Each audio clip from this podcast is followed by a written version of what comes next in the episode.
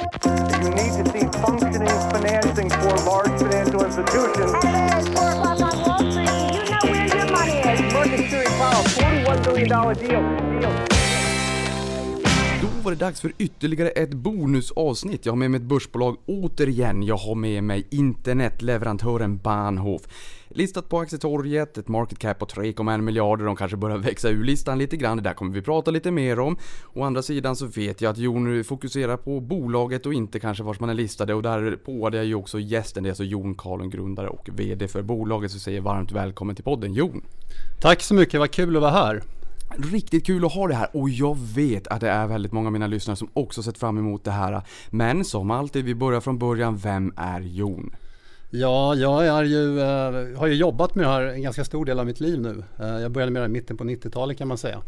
Och eh, ja, jag är 54 år, jag drivs av eh, teknik, jag är en utvecklingsoptimist på många sätt. Jag tycker det är roligt att hålla på med de här grejerna. Så att jag är passionerad användare och jag är också, eftersom vi har hållit på med det här i så många år och i så många, vad ska man säga, skiftningar från att den här tidiga epoken, internets barndom, till hur det ser ut idag. Så jag har sett hur internet har förändrats och därför så har jag också en passion för en del ideologiska frågor som hänger ihop med nätet och hur man ska använda det på olika sätt. Mm, det kommer vi komma in på lite grann. Du kan inte säga att du har varit med så pass länge och, hur, och berätta om hur internet har utvecklats utan att utveckla det där lite grann. Och det är många tänker nog på IT-håsen lite grann också, då var ni ju verksamma.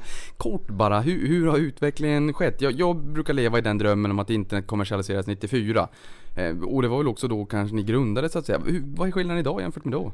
Ja, alltså då i starten då, jag vill också säga då att jag är inte den formella grundaren Exakt. utan jag kom in då eh, i, eh, ska jag säga, tidigt 96 och eh, hade kontakt med bolaget innan också. Men eh, min första tid på Bahnhof den bestod ju då, då var jag då eh, verkställande direktör också och vi var sammanlagt tre anställda inklusive mig själv. Vi satt i en barack i Fyrislunds industriområde i Uppsala vi hade Just Robotics eh, modem i hyllorna, sån här uppringd access. Jag tror vi hade 48 stycken eller någonting sånt. 6 kronor i minuten på dagtid, då fick man vänta till kvällen om man, när man var hemma. Man fick inte gå på internet på dagtid. Nej, precis. Och sen, det, det har varit väldigt pusslande för Televerkets, eh, vad ska man säga, idéer hängde väldigt mycket kvar, ihop med det här. Så vi fick ju liksom pussla för att få till bästa möjliga riktnummerområde så att det skulle bli så låg lokaltaxa som möjligt.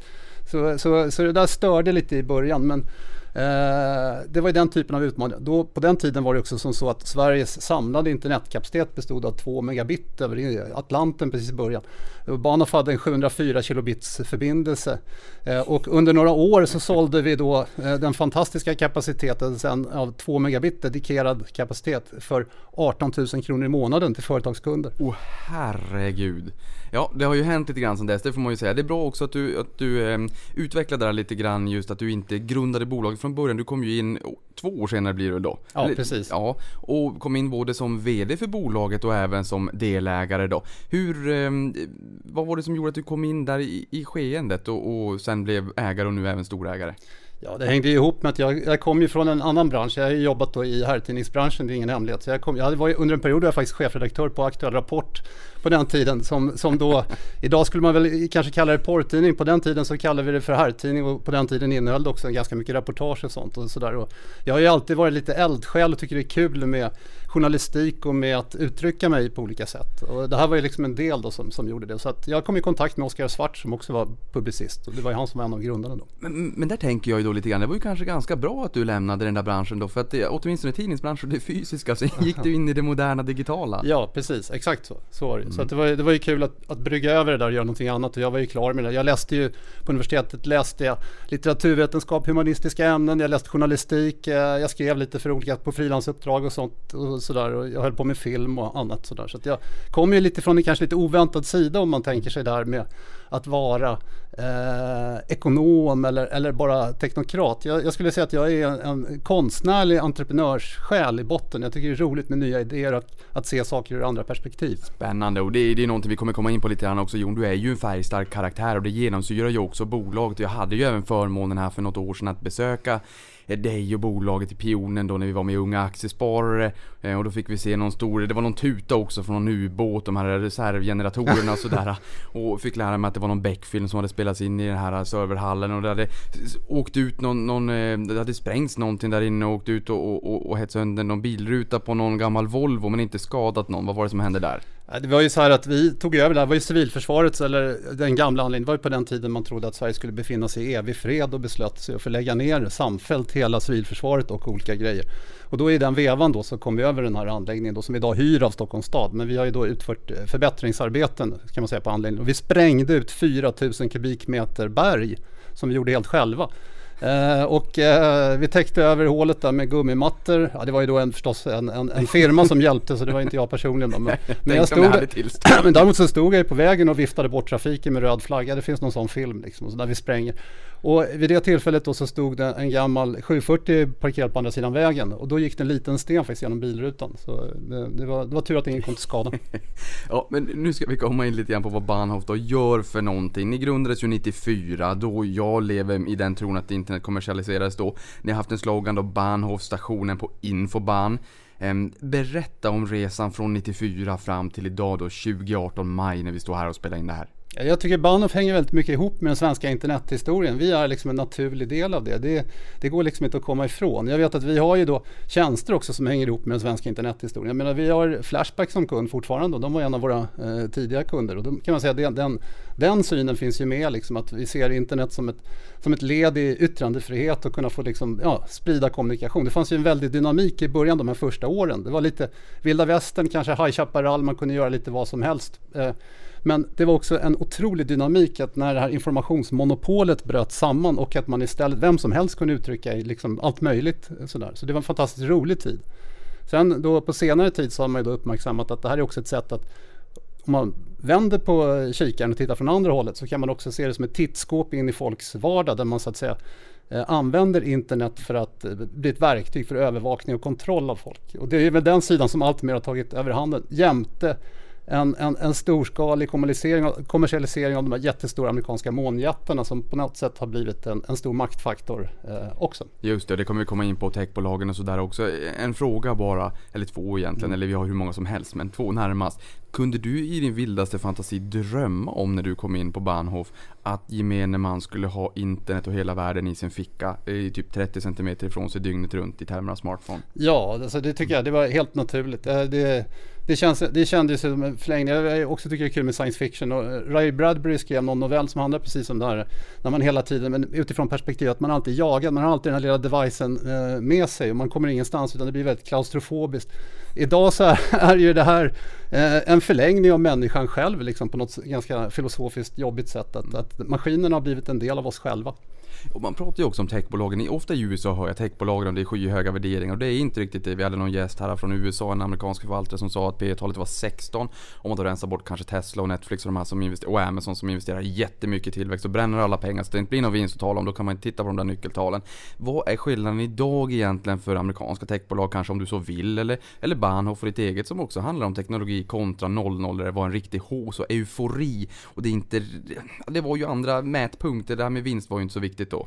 Alltså felet med, det grundläggande felet med Bahnhof är den totala felaktiga teorin att ett bolag måste visa långsiktig lönsamhet och uthållighet. Vi närmar oss ju tvärtom, eller vi närmar oss från det perspektivet men under IT-hypen så handlade det ju liksom om att hypa upp bolag och att bygga förhoppningar och sälja in liksom ganska fluffiga lösa idéer egentligen. Men såklart, alltså, det, det är inte så konstigt, man tänker en ny, ny grej bryter igenom att eh, man, man går liksom från, till, på samma sätt som när elektriciteten kom. Det här var en stor teknikrevolution och i spåren av det så kommer det alltid sådana här grejer och där folk på något sätt förblindas. Så det ska man alltid vara liksom uppmärksam på. Jag skulle säga att i vår egen affärsmodell har formats väldigt mycket av att vi var från början en bootstrap operation. Vi byggde med eget kapital. Det som finns i Bahnhof är ju egentligen ursprungliga aktiekapitalet. Det finns ju inget tillskott av externt kapital överhuvudtaget i, i bolaget utan det består ju egentligen av de här ursprungliga 100 000. Och det är inga, så, så att säga, inga nyemissioner eller någonting? Ni har inte Noll, noll nya emissioner, inga, inga pengar in. Däremot så gjorde vi när vi introducerade oss på aktietorget eh, Eh, då så erbjöd vi ju då alla glada att köpa aktier för 6 kronor styck. Eh, nu motsvarar det, eftersom vi har gjort den här splitten så motsvarar det 60 öre tror jag. Något sånt. Herregud. Ja, det för mig osökt in på nästa punkt och det är att ni listades ju på aktietorget 19 december 2017 och har klättrat 4093% inklusive utdelningar sedan dess då. Senaste fem åren är aktien upp 530%. Intäkterna då, eh, hänger de med eller inte? Ja, de är upp 119%, rörelseresultatet 79% och utdelningen är upp 82% och ni hade ju stämma igår, klubbas igenom 54 miljoner där då. Jon, Vad är framgångsreceptet? Det är väl egentligen att jag skiter i hela den här Stureplansmaffian och jag har inte beställt några sådana här finansiella tjänster whatsoever. Utan jag tycker det är kul att komma hit och snacka med, jag tycker det är kul att prata med unga aktiespararna. Jag tycker det är kul, jag tycker att det är bra att ett bolag ska ha en transparent och korrekt redovisning. Men grundreceptet är väl egentligen att inte titta så mycket på kursen utan fokusera på verksamheten. Ja, det är ju också någonting, precis som jag tycker det är otroligt kul att du är här och jag bryr mig inte det minsta om pengar heller. Jag tycker att det är roligt att göra det här ideellt bara för att det är så otroligt kul att lära sig mer om bolagen och du är ju, ni, ni är ju ett spännande bolag och det var också roligt att vara och besöka er på plats. Men då så sa du så här att nej, det här med uppdragsanalys och sådär, det var inte min grej. Jag fokuserar på att skapa värde i bolaget. Det är tummen upp och det är två tummar upp Jon. Men, men sen också eh, så var du inte jätteintresserad av eh, listbyte och sådär och det kommer vi nog komma in på lite lite grann. För, men, men, men någonting du sa där, att du älskar utdelningar. Ja, det är klart. Alltså, som ägare så älskar man utdelningar. Mitt, mål har ju varit att det ska vara liksom en stabil och långsiktig. Det är också ett kvitto på att det går bra. Alltså ett bolag som inte delar ut pengar går inte bra. Det är min, min modell i alla fall att det är så. Jag tror att det är liksom en sån här grejer man ska hålla fast vid. Eh, det kanske är traditionalistiskt och gammalmodigt men jag, jag tycker att det är en bra, en bra eh, recept på framgång. Ja, gammelmodigt det där med att tjäna pengar, men det låter ändå ganska bra någonstans. Och nu, eh, nu har vi fått en liten känsla för Bahnhof, historien. Om vi då går in lite mer strukturerat, vilket ni som lyssnar på mig vet att jag sällan är, men jag försöker bli. Hur är Bahnhof organiserat och vad har ni för affärsområden? Vi har i huvudsak, man kan säga, det bryts ju loss på lite olika delar. Jag skulle säga att vi har ett, eh, om man ska använda något fluffigt ord så skulle jag säga att vi har ett holistiskt perspektiv. Vi är, vi är helhetsleverantör för väldigt mycket olika grejer. Men i huvudsak så har vi både privatmarknad och företagsmarknad och där är det lite olika delar. På privatmarknaden så har vi riktat in oss på riktigt snabba förbindelser. Det är vår, vår, vårt signum och så finns vi också i öppna stadsnät i väldigt många, ja, runt om i Sverige. På företagsmarknaden så är vår specialitet just som nätoperatör. Vi är en väldigt stark nätoperatör. Vi kan, vi kan det här med nät och det är det vi har jobbat med. Och det är väldigt många som är extremt teknikintresserade och kunniga på det. Och det andra benet är IT-drifttjänster i våra datahallar där vi också har då colocation och där vi hyr ut infrastruktur till andra bolag. Så att det, Två frågor där. Eh, dels co-location, men även det här med öppna stadsnät. Vad är ett öppet stadsnät för någonting? Öppna stadsnät är så här, man kan jämföra det med vägnätet att eh, i en stad så, eller ja, det, det, ofta är det offentligt ägt av en, en, eh, vad ska man säga, ett kommunalt energibolag, kan vara ett privat också. Men ett, ett lokalt energibolag äger då ett fibernät, det är sladden i backen. De äger liksom inte själva, det, det är inte utrustningen alltid, utan man kan äga sladden i backen. Det är E4 upp till Boden. Ja, det, kan, ja, det är lite annat. E4, E4 upp till Boden är inte ett stadsnät utan det är ett stom eller stamnät eller vad man ska säga. Ett sånt har vi också men det, det, det knyter ihop det här universumet mellan de olika städerna.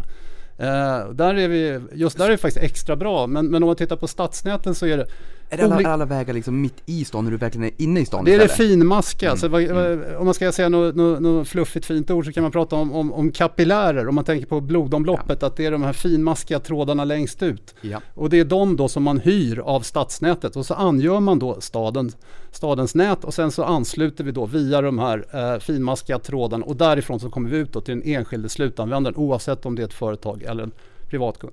Men sen finns det parallella, det är ganska komplext där. Det finns parallella eh, modeller där man också angör eh, enskilda hushåll med svartfiber. Det kan vara i villor, det kan vara i bostadsrättsföreningar. Svartfiber är då inte någon sån här ekonomisk eh, blåsning utan det handlar om eh, att man då tänder upp eh, glastrådar, alltså fibern, eh, med eh, ljuspulser. Så vi skickar ljus genom, genom de här trådarna och det är därför man kallar det, på norska heter det mörkefiber. Allt mycket roligare Ja. på norska. Vi drog in eh, Bredbandsbolaget i min förening här för några år sedan. Eh, vilket jag jag förstår att du blir arg på mig när jag säger det där. Och jag menar, det är klart när man tänker då på Bahnhof. Nu, nu var det många som approcherade oss och sådär och jag tänker att jaha, varför drog vi inte in Bahnhof? Men nu då när de, vi har ju både Comhem och vi har eh, Bredbandsbolaget, alltså Telenor då. Om ni skulle vilja eh, leverera bredband till vår förening, vem äger egentligen nätet in i kåken? Är det de som gör det eller hur funkar det så att säga? Det beror helt och hållet på var du bor. Då kommer jag tillbaka lite till det här stadsnätet. Jag skulle säga då, eftersom, ja ni kanske hör på dialekten var jag är född och uppvuxen. Jag skulle säga att Stockholm är bäst. That's it liksom. För där finns ju, där har vi liksom en, en, en parallell konkurrerande infrastruktur mellan eh, Stokab som är då det här kommunala bolaget som säljer eh, svartfiber. De säljer på grossistnivå kan man säga till oss operatörer. Sen har vi då Telia, Telia Infra, tidigare hette de Skanova. Eh, de säljer också svartfiber som man kan då eh, an- tända upp själv. om du bor i Stockholms innerstad, och där, där funkar på likadant i andra städer också, men, men för vår del så är, har vi den största närvaron i Stockholm, även om vi också finns i Göteborg och Malmö eh, med exakt det här konceptet också. Eh, då så angör vi ditt hus och sen är det då, i, bästa, i den bästa av världar, och det måste man tänka på som bostadsrättsförening, att man äger sitt eget fastighetsnät. Så man inte lejer bort det, för då är man helt rökt. Utan ta kontrollen över ditt eget fastighetsnät. Eh, gör du det, då kan du sen låta det, det nätet kommer vi operatörer gladeligen vilja angöra och leverera våra tjänster i sen. Ja men det låter bra, för någon sa sådär att vi, ni, ni äger nätet och sådär och någon annan vill ha exklusivitet i några år och sådär. Ja, eh, ja nej, men vad bra, men då... Mm, hur ser den geografiska mixen ut då i bolaget? Eh, det här var en svår fråga. Ja, Den geografiska, du får nästan... Ja, vi, menar, vi, finns där kunderna finns. Alltså vi, är- Så är det. Vi finns i storstäderna. Vi finns i, om man tittar i stadsnät så finns vi över 200 städer runt om i, i Sverige. Eh, I olika nät. i 200 olika städer. Ja. 200, eller 200 stadsnät. Ja, ja, ja. men någonstans så. Jag, jag Ja. gillar ju det här fluffiga finanslingot men ibland får jag ju komma på mig själv och säga att man, man kan ju liksom inte bara köra på. När jag säger geografisk mix då tänker jag i, i vilka länder finns Bahnhof? Jag tänker intäktsmässigt. Ehm, och då tänker jag kanske inte bara där man säljer bredband till slutkund utan ni har ju kanske kostnadsenheter och sådär i andra länder. Hur, vart, vart finns Bahnhof ute i världen? Tekniskt, om, vi, sådär, det är, om man säger tekniskt så finns vi då vid de här stora internetknutpunkterna i Europa. Där tänder vi upp själva dem och vi växlar trafik med andra operatörer. Kundmässigt så har vi ju inte ett eget finmaskigt nät på samma sätt som i Sverige och där är ju så att det är ju mera monopolistiskt i Europa har varit. Alltså det är svårt att, liksom att få tillgång till. Det finns inte öppna nät på samma sätt. Man har ofta något gammalt telebolag alla Deutsche Telekom eller något som har liksom monopol. Det driver ju upp priserna och gör att tjänsterna blir långsamma och dåliga. Så Sverige är ett föregångsland. Men vi finns en liten verksamhet i, i, i eh, Oslo i Norge.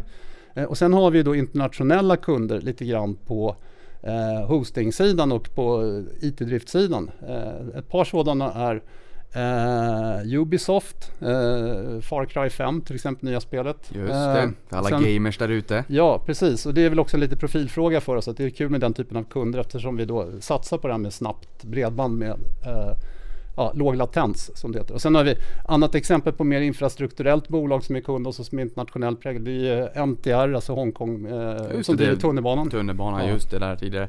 Ehm, Okej, men, men om jag säger så här då.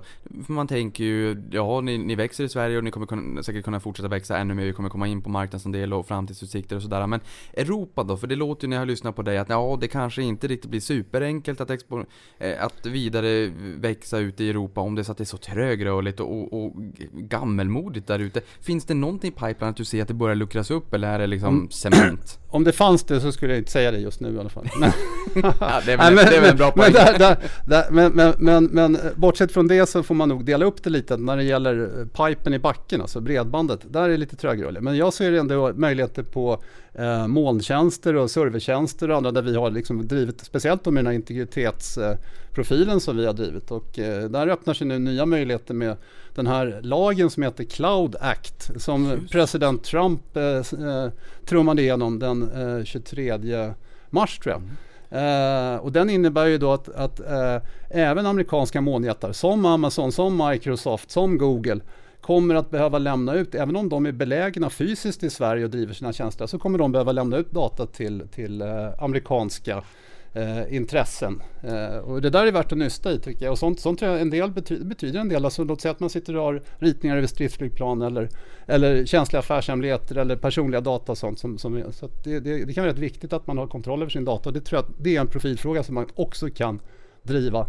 Eh, förhoppningsvis lite med svensk profil. Det gäller inte bara oss utan det gäller också andra svenska IT-företag som har samma modell. Och det där försöker vi liksom ha en samsyn i det.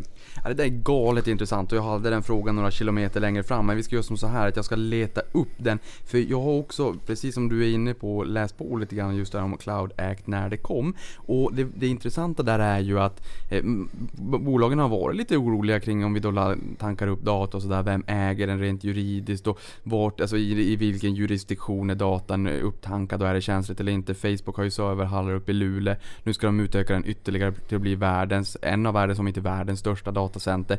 Men frågan är, och, och det har man ju tänkt att ja, okej, okay, det kan ju vara rimligt kanske att eh, tanka upp sin data där, men när vi pratar om Alibaba och kinesisk cloud och sådär, då blir man lite mer orolig för det är lite läskigare för de har inte lite samma respekt kring immateriella rättigheter och patent och allt vad det är. är i alla fall vad marknaden har tyckt historiskt. Så därför har man, har man förespråkat snarare bolagen från väst. Du har en superpoäng här. Hur ska ni kapitalisera på den strukturella tillväxten i molnsegmentet men där ni också verkligen har gjort en stridsfråga kring den här integriteten? Jag tror att det här har i Sverige varit ett föregångsland. Det här är en sak som fler och fler får upp ögonen för och det är helt kritiskt att man kan driva det. Och det särskiljer oss. Om det är öppet spjäll, om man inte kan lita på det, om det ens finns ett tvivel om att kan du lita på att du har dina data skyddade eller inte. Eh, jag skulle inte lägga liksom några kritiska affärshemligheter eller ritningar i någonting som jag visste att den amerikanska staten vid varje givet tillfälle kunde plocka fram utan så mycket besvär. Eh, så det, det, tror jag liksom är värt att, att, att, lyfta. Och det, det är också någonting, man pratar här, i flera år så har det varit ganska naivt att vi lägger liksom, ska lägga e, e sjuk, sjukhandlingar eh, och annat för medborgarna ska ligga i något datacenter på Irland. Eh, det kanske inte alls är bra att göra så. Eh, och jag tror att det här finns en affärsmöjlighet också i det här ämnet, även om jag själv också brinner för frågan. Det handlar inte bara liksom om att kapitalisera på en fråga utan jag tycker att man, man, måste liksom bottna själv ideologiskt om man tycker att det är bra eller inte. Så att de sitter ihop de här sakerna. Ja och där är du ju verkligen ett, ett levande exempel. Men jag menar samtidigt bara ytterligare lite grann här. Har marknaden verkligen förstått hur allvarligt det är när USA säger att vi bryr oss inte på vilken jurisdiktion som de här datacentren står. Om vi vill ha informationen, då ska vi ha informationen. Vi kommer att undervisa marknaden om detta. det låter alldeles underbart. Eh, men för sen är det ju så här också att vi, vi har ju många tjänster med, när det kommer till privatsegmentet som eh, eh, Google Drive och, och, Microsoft OneDrive och Dropbox kom ju ganska nyligen på börsen och vi har också Box som är börsnoterat i USA. I och med att det här det är ju sån enorm strukturell tillväxt. Jag menar jag blev pappa för ett år sedan, min tjej tar massa bilder på, på vår dotter. Jag säger sluta ta de där bilderna för hon vill inte ha 20 000 bilder när hon blir 18. Jag tycker att det är jättetrevligt och mysigt så att säga. Men vad händer då? Jo, jag blir slav för resten av livet och betala varje månad till någon, till någon molntjänst för jag vågar inte ha dem på min hårddisk som sen kraschar. Det är ju jättebra repetitiva intäkter. Kommer ni slå er in på det här? Ja, det här är en så, precis en sån grej som vi tittar på. Absolut, det är det. Eh, men vi har också, man får ju också titta, det är ju liksom olika lager. Vi har ju sådana kunder i våra datahallar där vi hjälper dem med driften och där de har, får plats i våra hallar och där vi står upp för de principerna. Så de svenska bolag som väljer oss, de har ju den här infrastrukturen på köpet när de har valt oss. Mm. Och hur ser er erbjudande palett ut då? Vad, vad erbjuder ni för olika typer av tjänster till era kunder, privatföretag, för att bena ut det där? Okej, okay, om vi börjar då på vår, eh, vad ska vi säga, vår nya spetstjänst som vi rullar ut på bred front till privatmarknaden just nu i Stockholm. Det går ut tusentals utskick precis nu medan vi pratar. Underbart. Den ser ut så här, 10 gigabit, alltså 10 000 megabit för 298 kronor i månaden de första sex månaderna. Sen har vi ofinheten att höja priset till 498 eh, efter sex månader. Eh, men då vill jag säga att motsvarande pris, jag tittade snabbt innan jag kom hit, att Comhem tar eh, 900 kronor för en gigabit och för det så tar vi då som värst då 498 fast istället 10 gigabit. Eh, och det här är möjligt med ny optik till eh, vad heter ljusförstärkare och till de utrustning som tar emot. Så att i forumen så är det nu en diskussion om hur ska man klara att kunna ta emot de här snabba hastigheterna från banan. Men det går och det, det är väl en sån här tjänst som jag tror kommer passa just gamers och det kommer också passa de som tycker det är kul med eller har mycket streaming. Man vet ju själv, jag har ungar själv och de, folk sitter och ja, de, de kör alla möjliga saker samtidigt och då är det lätt hänt att man tömmer ut bandbredden. Ja, för det där är lite intressant. Jag, jag, vet att ni som lyssnar på det här har hört det förut så jag fattar mig ganska kort. Men här i slutet på förra året så var jag i Silicon Valley så träffade jag finanschefen för Electronic Arts bland annat. Och då ställde jag den här frågan som gjorde att han blev eld och låger till slut insåg att nu får jag inte prata med. Han blev lite orolig för han blev så himla eld och lågor. men just den här frågan på vad händer om det är så att vi får så pass bra bandbredder och noderna runt om i världen att vi faktiskt eh, kan skippa konsoler som Playstation 4 och, och Xbox One och allt vad de heter. Eh, och att istället köra värstingutrustning alltid i någon form av serverhall där man inte behöver köpa den senaste datautrustningen utan man kan streama spelen. För jag menar nu, Netflix har visat att det går att streama spelen, då blir det ju liksom att jag ser någonting på skärmen, jag trycker på tangent, det ska skickas tillbaka, det blir ju liksom en dialog och inte en monolog så att säga. Då behöver vi stark bandbredd, men jag menar när jag lyssnar på dig och 10 gigabit och det är bara början och sådär. Det här måste ju öppna en enorm marknad som vi inte ens tänker på idag. Det är ju precis det vi gör. Alltså jag tror att det här, det här kommer liksom revolutionera hela marknaden. Att när bandbredden tappar i betydelse nästan, att det blir så extrema hastigheter. Uh, ja, vi har ju lanserat ett, en, en, ett, koncept nu som heter Big City som bygger på att vi gifter ihop våra tjänster i datahallarna med våra nättjänster. Eh, det låter lite fluffigt men grundidén är så här, det är extremt snabba hastigheterna möjliggör att man kan ha liksom kraftfulla tjänster i datahallen och sen knyta ihop det med sin verksamhet utan att behöva ha det man förr kallade, det fanns för länge sedan fanns det begrepp som hette ASP och det, man, pratade man om tunna klienter och allt möjligt sånt där. Idag så är det liksom verklighet på ett helt annat sätt än, än, än vad som var möjligt förut. Eh, och det är det här som jag tycker är kul att gå i bräschen för. Så att, eh, eh och, och det, det, är kul när du tar upp det här också med eh, Playstation och olika devices. Folk, det där, de här jävla devicen, de är ett sätt, de är ett sätt att låsa in kunderna. Ja, men du får din, du får din kabel-tv eh, liksom, grej. Det fanns ett företag som höll på med något som heter Tivo förut. Liksom. Det var, enda syftet var ju liksom att... Katastrof.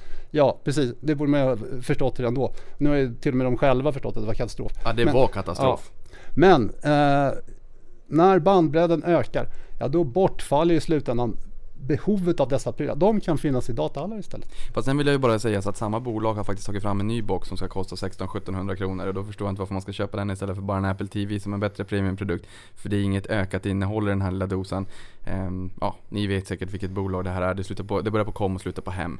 Um, men de har precis lanserat det här och hur det går det står skrivet i stjärnan ska bli väldigt intressant att se då.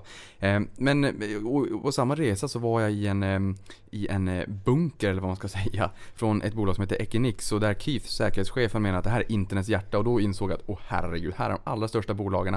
De lägger sina servrar där därför att det ska vara extremt blixtsnabbt för de, de tjänsterna som du behöver komma åt när du går in, surfar in på en sida. Då förstod jag att jag var liksom på internets högkvarter eller huvudstad globalt. Ehm, och där, du pratade om co-location alldeles nyss. Det var de här två punkterna jag ville ta upp. Co-location, alltså den andra, inte servrarna att man har dem nere i källaren och sen så skalar bolagen upp och till slut kan de inte ta hand om det här själva. Då börjar det komma in på co-location om jag inte använder det som händer, felaktigt. Precis, nej, det är helt rätt. Det som händer, men det som händer som skiljer sig lite som tidigare, är att låt vara att du skulle kunna ställa dina saker i Amerika, men alla som någon gång har tyckt att åh, det verkar som att den här tjänsten går väldigt slött och så irriterar man sig över det. Det är väldigt många hopp och det är väldigt lång väg till, till den här hallen som du beskriver i Amerika. Eh, jag tror att modellen istället har mindre anläggningar som ligger nära där, där användarna är. Man flyttar ut innehållet i nätet. Eh, det här kallas för Content Delivery Network och det är flera som jobbar med den principen att få ut innehållet så nära användarna som möjligt.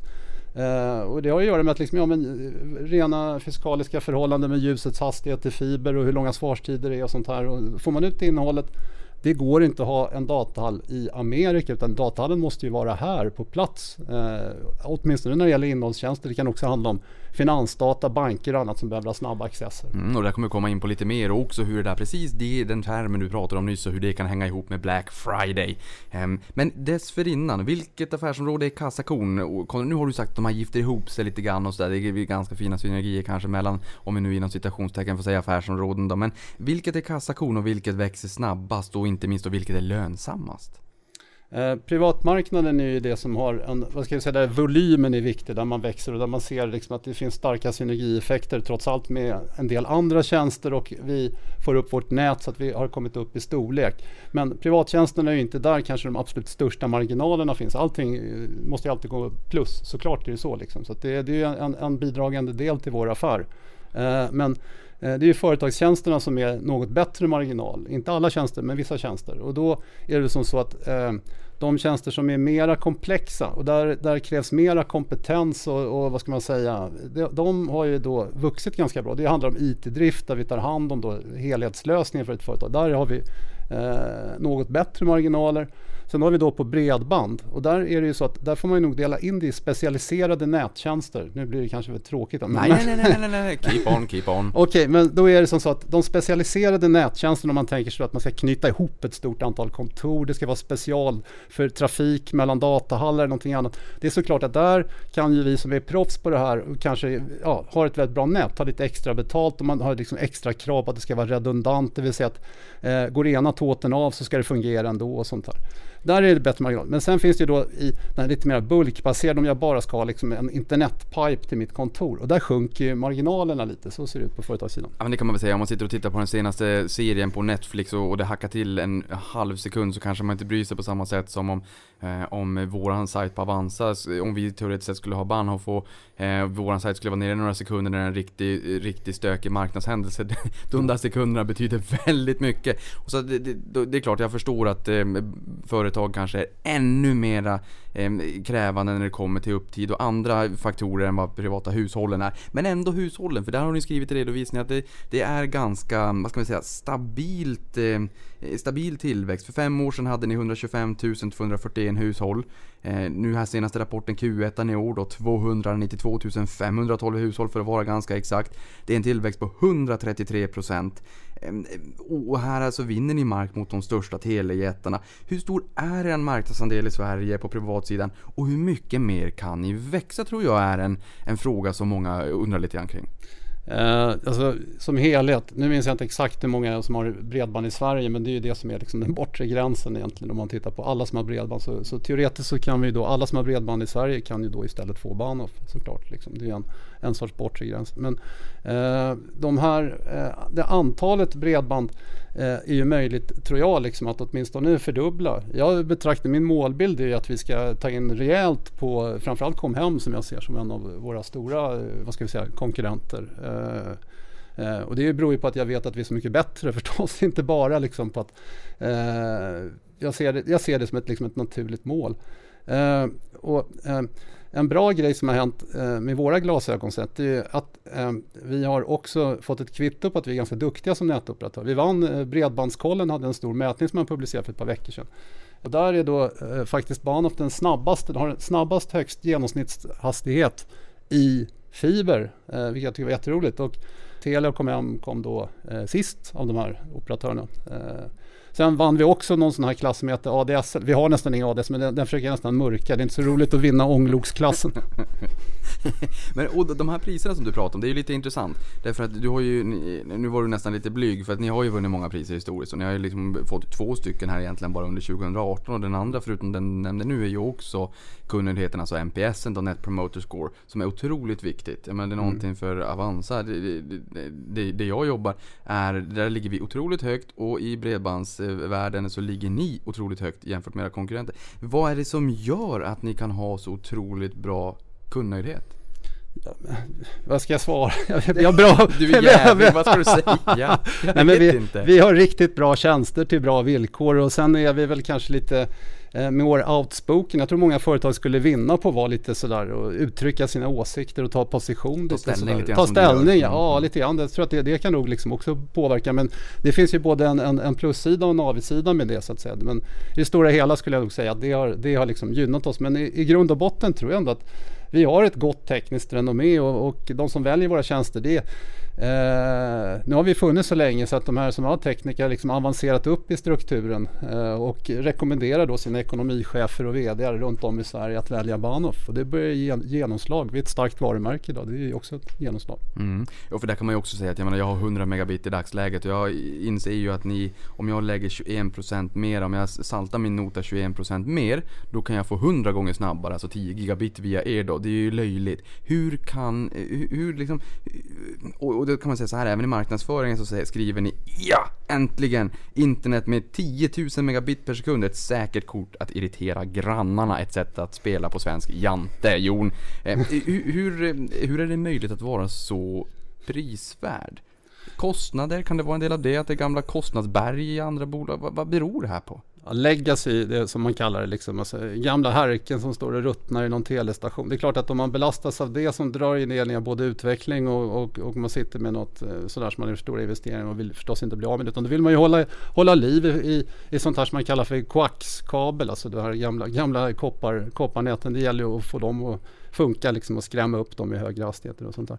Men vad beror det på? Jo, därför att det är så här att eh, sladdarna i backen, om man tänker sig liksom det här eh, ganska ja, dum fibertråd egentligen, bara eh, svart fiber, det händer ingenting om man inte tänder upp det. Utrustningen i ändarna, teknikutvecklingen sker inte i själva fibern utan den sker i, i, i fiberns ändar. Det är i den aktiva utrustningen som tänder upp fibern och skickar ljussignaler genom nätet. Det är där teknikutvecklingen sker. Och den sker på konsumentsidan eh, på de enheter som tar emot de här signalerna. Och där har det skett ganska mycket. Nu går det till samma kostnad, skulle jag säga, som tidigare, få mycket högre kapacitet. Det man behöver göra då är att byta en del av den här centrala utrustningen man har. Eh, då är det lite besvärligt om man då är en operatör som har massa som man måste liksom ta hänsyn till bakåt. Eh, och här kanske vi har ett försteg liksom lite grann just. Ja, det kanske ni har. Ja. Eh, men, men vad, är, vad är det största problemet för att inte nå hela svenska marknaden då? Ja, så, så här, jag skulle tycka att om hela Sverige var helt fibrerat så skulle det vara fantastiskt bra. Ja, det borde finnas eh, eh, möjlighet att köpa svartfiber på grossistnivå. Där tror jag att staten sköt sig lite i foten en gång i tiden. Alltså man backar bandet till när man, när man då hade möjlighet, när man då satte ut eh, eh, Televerket och sen ja, till dåvarande Telia sen så småningom på börsen. Eh, det man borde ha gjort är att bryta loss den här infrastrukturdelen i Telia. Eh, jag, jag, eh, tycker det är bra med marknadsekonomiska principer men jag tycker också att just vägnätet, alltså det hade varit bra med ett neutralt vägnät som hade skötts liksom på, även på det här området. Eh, Uh, och hade man gjort det, och det är inte för sent än, att man liksom avyttrar delar och låter det liksom drivas i eh, ja, i offentlig regi men på konkurrensneutrala villkor. Om vi tittar på företagsmarknaden då som vi nu har förstått att där är det ju kanske det lite mer lönsamhet. Mm. Ehm, och där skriver ni att de fördelar sig mellan nät och telefonitjänster samt drift och molntjänster som utgår från era centrala datahallar och står då i senaste rapporten att läsa. Vad betyder det här lite kort? Ja, det betyder precis vad det står. Mm.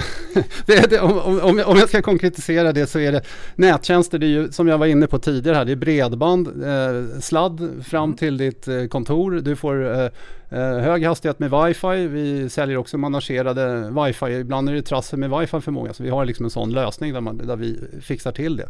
Uh, och sen har vi då mera sofistikerade nättjänster. Det är en del liksom där man då behöver ja, ganska, koppla upp jättemånga kontor på olika sätt.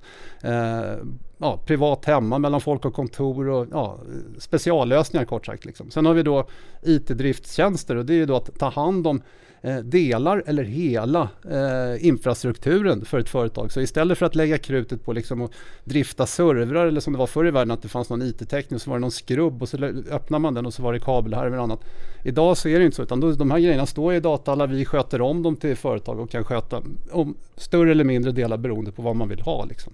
Där måste jag bara fråga då i sådana fall för att hur, hur, ehm, hur ser trenden ut det här med co-location att man kanske har sin serverskrubb och sådär kontra att man inser att vi kanske inte har expertisen liksom att ratta det här själva och egentligen så kanske vi borde fokusera på kärnverksamheten. Vi outsourcar det till Bahnhof. Hur ser trenden ut där? Ja men så har det ju varit i många år. Så, så det är växande. Det, det här, nu, nu lät det som att, åh, att det, det, var många år sedan folk hade sina Det kanske finns någon stackare där ute som fortfarande har det. Då vill jag varmt rekommendera att ändra på det. Men eh, de flesta har ju liksom idag ordnade förhållanden med sina tjänster i en datahall. Antingen i egen regi som de hyr ett skåp eller också i en molntjänst när man hyr liksom servrarna av oss och så förser vi dem med eh, en molntjänst, en virtuell plattform kan man säga. Mm. I fjol så sprängde ni också miljardvallen eh, intäktsmässigt. Grattis! Tack! Företagsmarknaden stod för 495,2 miljoner av det här. En ökning på 16,2% year on year. Hur kommer intäktsmixen se ut framåt? Jag tror att det, det här är ju Eh, jag, jag har gett en, en, en, eh, prognos för helåret då, vad vi ska omsätta och eh, där ligger den nu på 1,2 miljarder och eh, eh, 145 miljoner i ebit. så ser det ut nu. när det gäller fördelningen jag, jag, jag, det växer ju på båda områden om man säger så. Så det, det, här är lite svårare att säga om. Men jag, det, man kan säga att det, precis som du har varit inne på här lite, att lönsamheten är något bättre på företagssidan. Så att för mig så jag vill ju också att vi ska gå bra, inte bara växa liksom, storleksmässigt. Just det. Ja men det är bra. Och just den här eh, prognosen också på 1,2 miljarder och 145 miljoner i ebit. eh, Det är ju ganska, det är ganska väl tilltaget men samtidigt så har ni en historik också att ni, ni levererar ju faktiskt ibland och inte sällan överpresterar på det ni faktiskt sätter ut som prognoser. Vilket är ett gott track record. Men du har varit inne också på tidigare här, några nya företagskunder i Q4, Ubisoft, det franska spelutvecklaren, ja Bonnier i, i Sverige då, inte minst. Ja, vi har, vi, vi, vi har ett väldigt väl utvecklat samarbete när det gäller de här streamingtjänsterna. Personligen tycker jag det är så extra roligt att, att, att jag, jag tycker det är kul med de här tjänsterna. Just också, vi har ju varit inne på det här lite nu om slippa boxen, kasta ut den. Jag tycker att den här tjänsten Simor helt fantastisk grej. Alltså, funkar jättebra, man kan se live-tv. Eh, allt det här, allt det här liksom gamla sättet att nu ska vi bänka oss framför tvn och så är det tablå-tv, så ska man titta, ja, det här programmet sänds då och då. Är det någon som håller på med det fortfarande? Alltså det är ju enstaka, ja, klart sportsändningar och sånt, men de finns ju också streamade nu. Så att nu bortfaller ju liksom hela den här modellen med att ha gammalt tv-abonnemang. Sluta med det kära människor. Sluta med det. Jag menar, ni har eh, några andra också, det, förutom Bonnier, i min värld så är det Dagens Industri såklart som, som finans och aktienörd, Södertälje, Uppsala kommun, NCC för att nämna några. Varför valde de Bahnhof som leverantör? Därför att de vet att vi har pålitliga och bra tjänster till bra villkor. Vi har ett gott renommé, vi har också en närhet till dem. Alltså vi värdesätter att finnas nära våra kunder. Alltså det tror jag är viktigt. Vi idag, vi har, vår organisation är eh, ungefär 250 anställda idag. Vi har kontor i, i, i Malmö där vi har en ganska stor datahall också. I centrala Malmö. Vi har alltid liksom valt att vara i citykärnan på något sätt. Sen har vi, sen har vi då eh, också Göteborg på motsvarande sätt. Eh, jobbar massor av tekniker där. Och sen har vi i Stockholm, där har vi flera datahallar här och eh, folk som jobbar. Sen har vi eh, Borlänge där vi har kundtjänst eh, och även har vi vuxit och utvidgat vår verksamhet i Umeå som är en fantastisk stad med eh, universitetsutbildat folk och där är bra drag. Så jag, jag tycker vi, vi har liksom bra delar verkligen. Umeå, rätt delar av landet. Ja. Eh, nu kommer det en eh, romanfråga, håll i er. Ni har ju lanserat företagstjänsten eh, på kran som ni kallar för under namnet då Big City. Det har vi varit in på här nyss. Där ni gifter ihop datacenter, molntjänster och extremt snabba accessförbindare och pratar om viktiga synergieffekter då. Eh, ni tror att det här får full effekt under 2018 och räknar med att kunna lansera en arsenal av nya tjänster. Ehm, jag har, har jag skrev då att jag besökte just Equinix här då, Kevlar-bunkern och tyckte det var lite spännande. Det har jag redan varit in på då så att säga. Men jag har ju förstått att det här är spännande. Berätta mer om det här Nordre accesspunkter, hur det här gynnar er. Nya tjänster, det låter som marginalexpansion. Kan det bli Sveriges eh, Amazon Web Services? Ja, det här, du, frågorna kommer tillbaka lite här ska jag erkänna. Men, men det här är lite Content Delivery Network. Flytta ut innehållet fram till, till, till användarna. Eh, i symbolisk mening så här, riv väggarna i datahallen. Om man ser en datahall som en lada så står det massor av, liksom, jag, ska man säga, jag, jag brukar ibland kalla det för exklusiva garderober. Det är de här dataskåpen. Liksom, så att vi, ibland så uppträder vi som någon slags garderobiärer där vi tar hand om folks prylar. Men en datahall, den, den bygger ju på att eh, det är extremt snabba svarstider inne i datahallen mellan de här eh, förbindelserna, mellan, mellan maskinerna. Sen har du ju då eh, knyter ihop det här med nätaccess på olika sätt ut på internet. Men om man rent hypotetiskt kan få så snabb och, och kraftfull access så att man, eh, det egentligen inte spelar någon roll om man sitter i en datahall eller inte annat än då för säkerhetsmässigt och det här ja, skrubben som vi var inne och ta- talade, talade om tidigare. Då bortfaller väldigt mycket liksom av oron att för ens tjänster, man behöver inte ha lokala tjänster på samma sätt utan man kan, man kan flytta sina prylar liksom rent virtuellt in i molnet. Men för att molnet ska fungera så måste det finnas så snabba datavägar fram dit. Eh, Du kan ju ha liksom en molntjänst som sitter ihop med någon datahall i långt bort i stan. Eh, Det blir väldigt slött och besvärligt. Så det här är ju då själva nyckeln till att, att finnas med innehållstjänster nära folk. Just det. Spännande. Och eh, företagssidan, eller just det här med Big City. Um, marginalexpansion. De som vittrar marginalexpansion med de här nya tjänsterna som ni skriver om. Vad säger du till dem? Uh, det här det är en- alltid en balansgång men jag, jag tycker själv att det är roligt att växa också. Jag, jag vill inte liksom att det, man ska stagnera i bara utan man måste alltid kunna konkurrera med pris. Alltså det är så. Det, det går liksom inte att driva en verksamhet som inte kan konkurrera med pris. Så att, eh, det, det är en avvägning mellan de här grejerna men man kan väl säga så här när ett område är nytt och när man har en unik grej som man vet är extra bra då kan man ta lite extra betalt för också. Men jag, jag är mån om att vi ska växa, att vi ska få verksamheten större. Det tror jag är liksom kritiskt. Ja, och det tror jag också folk gillar. Jag menar, Jon, som sagt, du karaktäriserar det här bolaget och du är en karaktär. Och, så att det, det är klart att få bolaget att växa och sådär, det vet vi ju om vi tittar på historiken att det, det har du ju lyckats med. Så att det, det förtroendet har du ju i marknaden så att säga. Men ja, det är kanske en liten potential för marginalexpansion. Vem vet? Vi får se helt enkelt då. Marknadsandelen när det kommer på företagssidan, hur stor skulle du säga att ni är i Sverige? Går det att ge en sån siffra? Nej, inte så här ur en hatt. Så här. Det, det är svårt för mig faktiskt. Det, det, där, där fick du mig. Men mycket, men mycket kvar att växa. Ja, det är mycket kvar. Ja, där finns det jättemycket kvar att växa. Man, där, här är det ju liksom en, ska man säga, en strategisk avvägning mellan olika saker. Därför att vi har ett väldigt väl utvecklat samarbete med ett antal konsultbolag och det vill vi ju fortsätta med. Och samtidigt så är vår roll är att drifta infrastrukturen. En del konsultbolag har ju driftat infrastruktur tidigare. Jag tror att det blir ett skifte där konsulterna mer kommer vara inriktade på att hjälpa till att bygga tjänsterna. Där vår roll är att drifta eh, själva miljön som de finns i snarare. Och det är så vi liksom har fokuserat. Eh, men om man, marginalexpansion på det här området är svårt att säga någonting mer om. Mm. Sen har vi en Twitterfråga här också då. Ja. Och det är just hur stora den egentligen kan bli då. För frågan är, har ni resurser att exempelvis sköta Transportstyrelsens datatrafik? Och finns det någon gräns för hur stor företagskunden ni klarar av att hantera idag? Nej, det finns inga gränser. Det är där Transportstyrelsen är, är väl en, en marginell grej att lösa. Det är absolut inga Det problem. ska skickas en liten, Ja. en liten accept att någon har fått Ja. körkort. Ja. Nej, skämt åsido. Nej, men det, det, det, det, man kan säga det, det som drar trafik det är ju de här innehållstjänsterna. Det är ju de här streamingtjänsterna. Det är ju det som är vårt specialområde. Transportstyrelsen föreställer jag mig är, är mycket begränsat problem att driva om det skulle vara den typen av Mm. Och nästa Twitterfråga också. Vilka nya marknader skulle teoretiskt sett kunna vara aktuella i framtiden? Det är den ena. Den andra frågan, en det är tvåbent fråga är hur påverkas ni av 5G?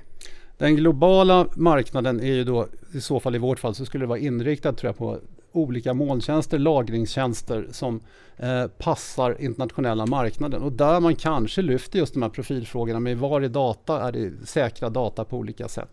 Eh, när den andra grejen om 5G, den tycker jag själv, jag, jag tycker det är otroligt intressant därför att eh, det öppnar sig, tror jag, helt nya möjligheter med det här radiofrekvensbandet 5G som man framförallt kommer köra på 3,5 GHz-bandet. Eh, och I Amerika är det som så att det här 3,5 GHz-bandet har man släppt fritt. Eh, det finns något som heter CBRS, Citizen Broadband Radio Spectrum och det bygger på att eh, du kan ansöka på ett, och på ett ganska lätt sätt bli tilldelad olika frekvensutrymmen och där kan man köra jättehöga hastigheter över väldigt korta avstånd. Du kan inte köra långa avstånd eh, med, med hög hastighet utan det blir korta avstånd. Och därför så lämpar det så här. Man kan tänka, jag brukar tänka på det här bandet som en sorts eh, wifi på steroider. Alltså, eh, eh, det tränger igenom hus, man kan köra kanske 500 meter någonting. Det skulle passa absolut perfekt att kunna förlänga. Ta då en operatör som har ett fibernät, som finns på väldigt många platser i Sverige, som har väldigt många kunder. Skulle mycket väl kunna förlänga det här fibernätet och ha en räckvidd eh, som, som skulle liksom aktivera på ett helt annat sätt eh, än, än vad som är nu. Och i USA så drivs den här idén om, om eh, det kallas för CBRS Alliance och de driver det här stenhårt och eh, har nu kört i två år. Och det, massor av, det sker en explosiv utveckling med massor av nya tillverkare och en av dem, de som driver på, är Google.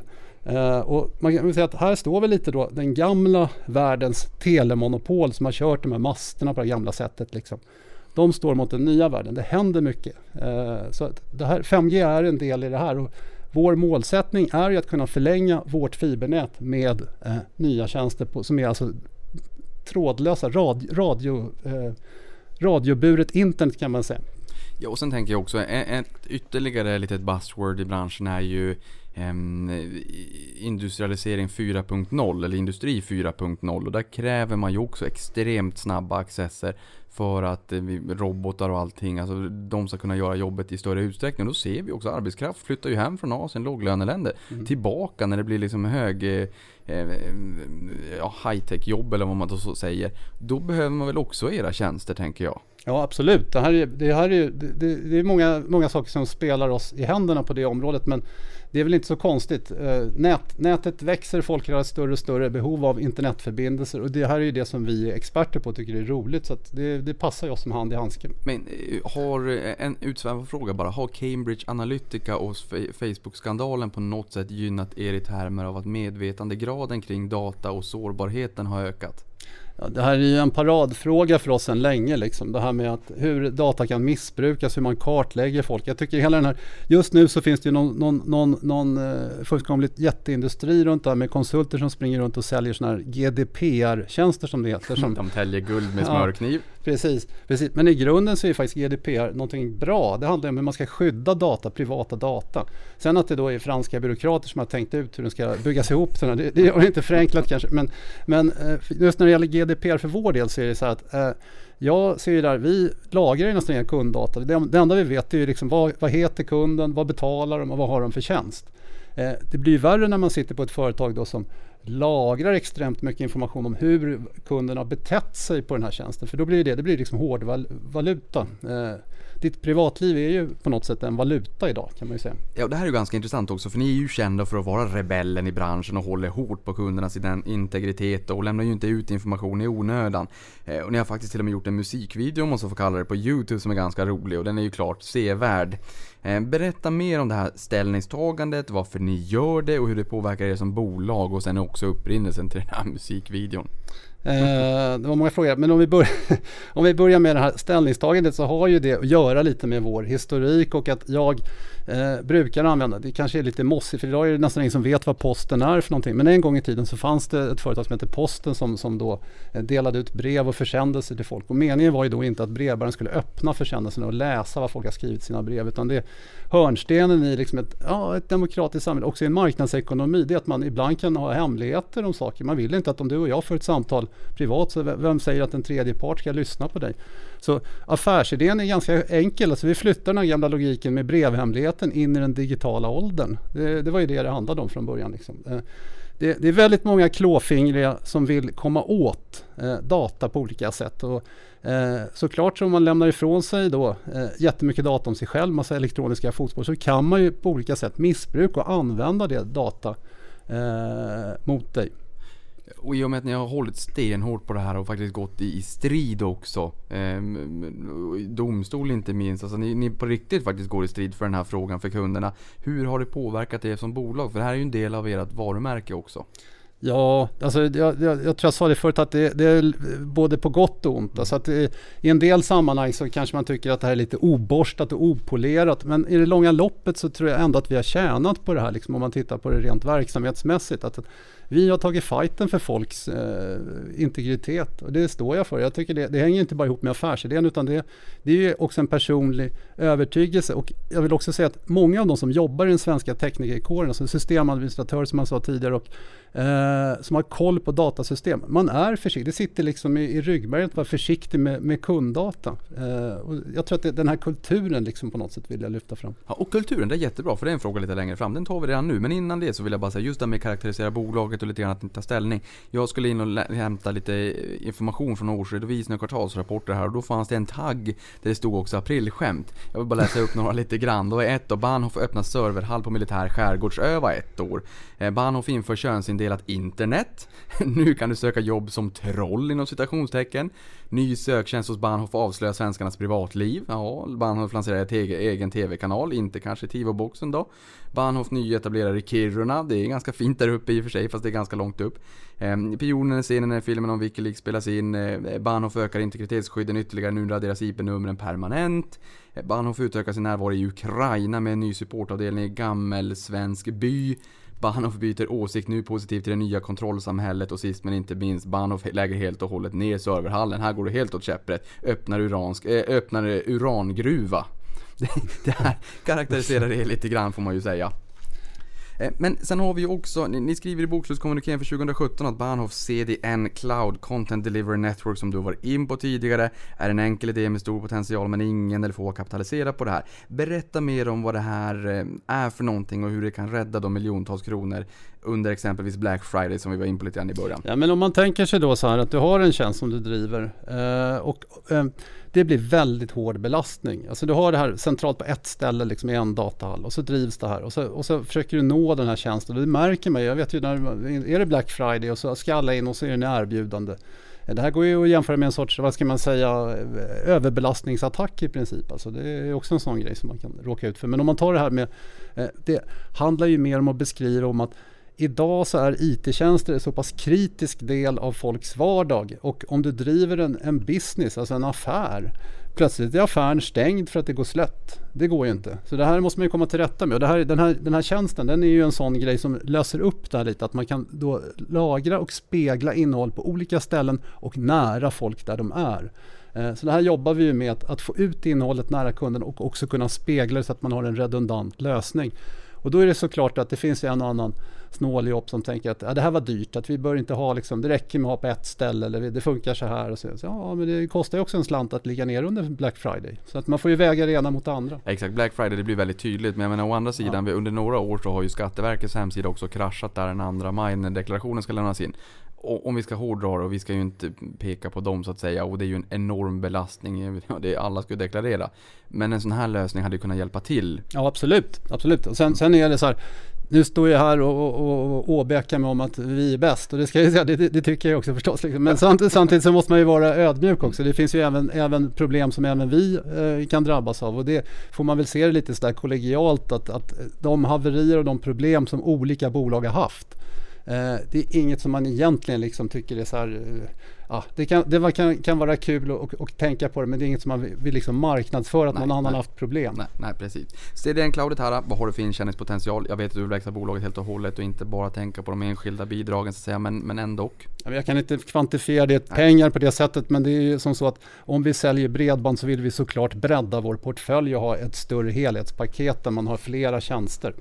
Du pratar också om att man, eh, man vill ju inte att det, det ska vara en, att någon annan ska få liksom, misslyckas på något sätt och sådär och att ni också har utmaningar. Vad, vad håller dig eh, sömnlös om natten ibland? Det är ju det här med, alltså särskilt då, nu har vi fått väldigt bra betyg vill jag säga, men just kundtjänst där man då ibland brottas med det här att Eh, just i stadsnät så kan det vara många olika aktörer inblandade. Jag bor själv i Täby och ibland har jag tänkt så att jag kommer att bli rullad i, i kära och fjädrar när jag ska med på bussen där. Men, och, och, och, det hänger ju samman med att det har funnits ett lokalt stadsnät. Nu hoppas jag att man kommer till rätta med, med, med lite problem där. Men det blir väldigt många, när det är flera olika parter inblandade, då kan det vara väldigt svårt och eh, där har vi eh, drabbats, eller ja, eh, vi och en del andra operatörer har drabbats. Och det, sånt, just det där med kundtjänst, är det någonting som håller mig vaken, då är det här att ah, jag vill ju liksom vara stolt att vi driver så bra tjänster som möjligt, så när det inte funkar, det är sånt som håller mig vaken. Mm. Du var också in på företagskultur. Det är något som jag tycker är enormt viktigt. Eh, berätta någonting. Hur ser företagskulturen ut på Bahnhof? Eh, vi försöker ha en så platt organisation som möjligt med så stor, möjlig, stor frihet och under ansvar eh, som möjligt.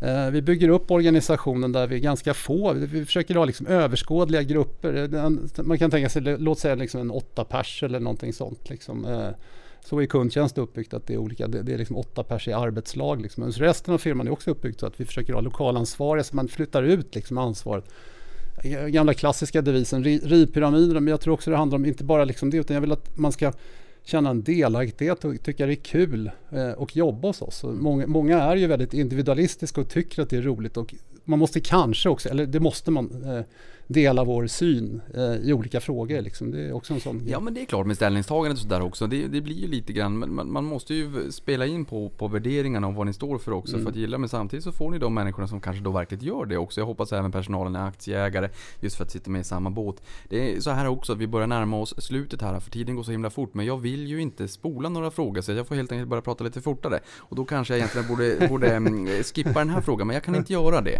För är det någonting jag tycker är roligt då är det när man ser att VDn skriver sina egna VD-ord. Jag utgår från det kallt att du skriver dina egna Ja VD-ord. absolut, det. Ja. Det, det gör jag absolut. Och då har jag en liten novell här som du ska få kommentera på sen. Då har vi VD-ordet koaxialkabel, koaxen som du har pratat om tidigare. Sug på ordet. Det doftar 1900-tal, illaluktande bränd plast och en metallisk smak av ärgad koppar. Jag läser i tidningen att en större konkurrent till Bahnhof just nu jobbar med ett slags återupplivningsförsök. Det handlar om att pressa ut de sista blodsdropparna ur den åderförkalkade infrastruktur som för ungefär 25 år sedan kallades kabel-TV. Har vi också varit in på lite grann ju. Försöket går ut på att skrämma upp koaxen till en hastighet av en gigabit. Ehm, det kan liknas vid att hälla bensin i pannan till ett ånglok och sen marknadsföra det som ett Maglev-tåg och så en stjärna för då förklarar du vad det är för någonting det här Maglev-tåget. Ni får googla helt enkelt. Ehm, här ligger såklart ekonomiska motiv bakom, det är ju inget fel i det. En sund konkurrens, utveckla nya fantastiska tjänster är det som driver oss framåt. Jag är bara road över tajmingen. Lite längre ner i samma ord, det råkar vara exakt här då under första kvartalet så rullade ni ut standardtjänsten 10 gigabit, 10 000 megabit per sekund. Det råkar vara exakt 10 gånger snabbare än Quackskramarnas grejor. Lustigt nog är det dessutom att det är lite billigare pris på det hela också. Och i vår bransch så gillar man mätpunkter. Det finns rent av ett statligt bredbandsmål som är ett stort antal pratglada människor har kommit överens om då på många möten. Målet är satt till att svenskarna ska kunna få 100 megabit senast år 2020. Det är på tok för defensivt. Megabit! Det här låter som Jonas Birgerssons predikningar för 20 år sedan i Framfab. Kommentar. Ja, men det här är ju precis, det här är, jag måste erkänna, det här är ju jag. Jag är ju så här liksom, jag uttrycker mig så här. Men jag, jag tycker också när det gäller ekonomisk rapportering, om man lyfter oss bortanför oss bara så, så är det väl lite så att jag tycker att andra vd och andra borde ta chansen och uttrycka lite mer så här, lyft fram vad ni gör. Jag ser ju den ekonomiska rapporteringen som ett sätt att berätta om bolagets själ Eh, och berätta om sina tjänster. Jag tycker det blir väldigt mycket, jag vill komma bort från det här liksom lite fluffiga utan liksom bryta ner, vad är det vi pratar om egentligen? Och sen så är det ju kul, jag tycker det är kul att uttrycka mig också även i skrift, så, att, så, så på så vis är det kul. Och så kan man ju ge dem ett tjuvnyp här och bra.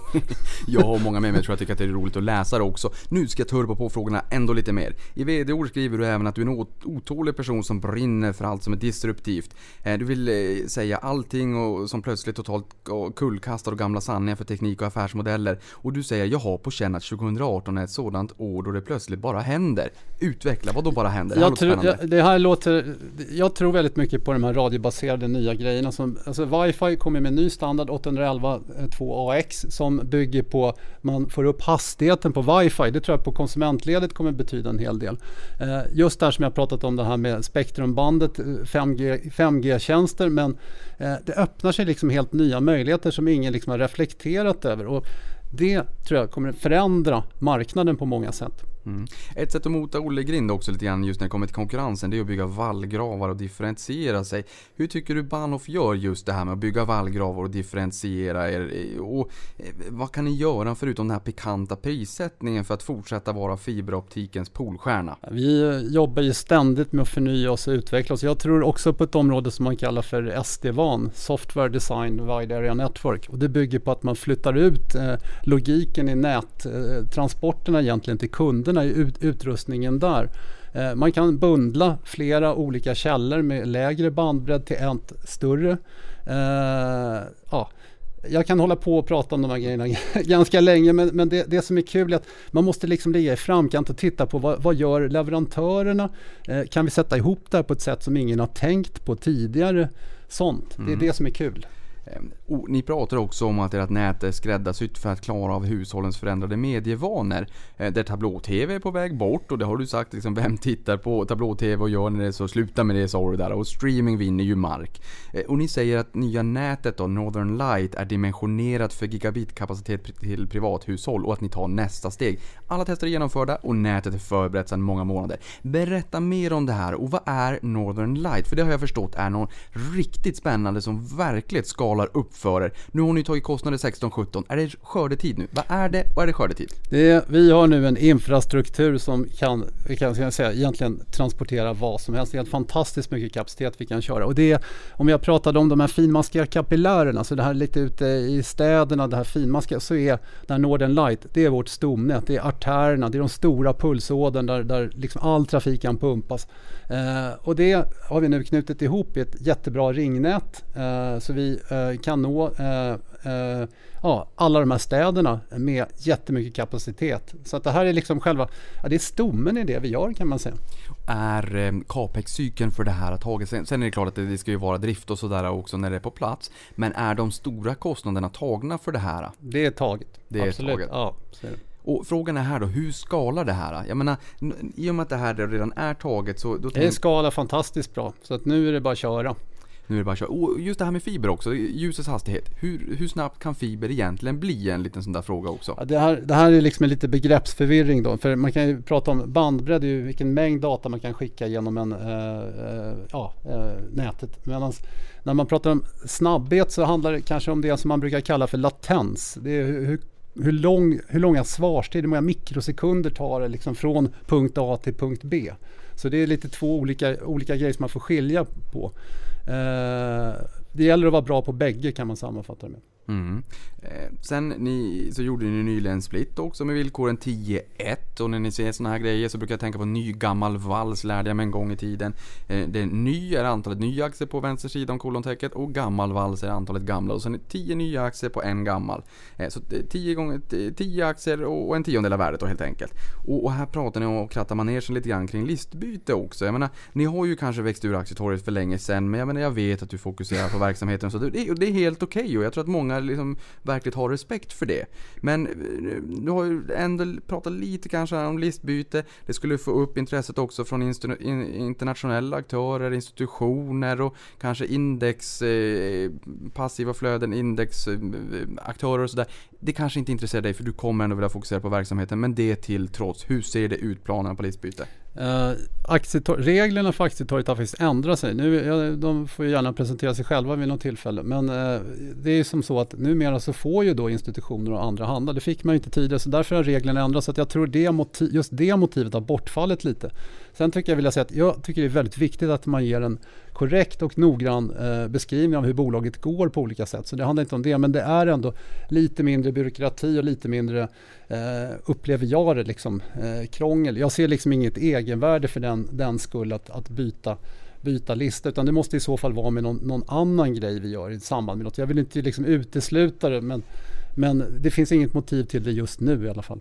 Nej, nej precis. Du, du, var inne på prognosen här också. Eh, för 2018 1,2 miljarder, rörelseresultat på 145 miljoner, rörelsemarginal på 12%. Hur, hur länge kan man växa så pass snabbt som ni gör? Och vad är en, en kanske uthållig rörelsemarginal? Kan vi få se lite marginalexpansion framåt? Tror du? Ja, det tror jag absolut. Men jag vill inte stå här och, liksom och komma med några eh, prognoser. Nej, utan det är så, nej, nej, nej, nej. nej, nej. Utan det här, men, men det är ju så, så vi jobbar.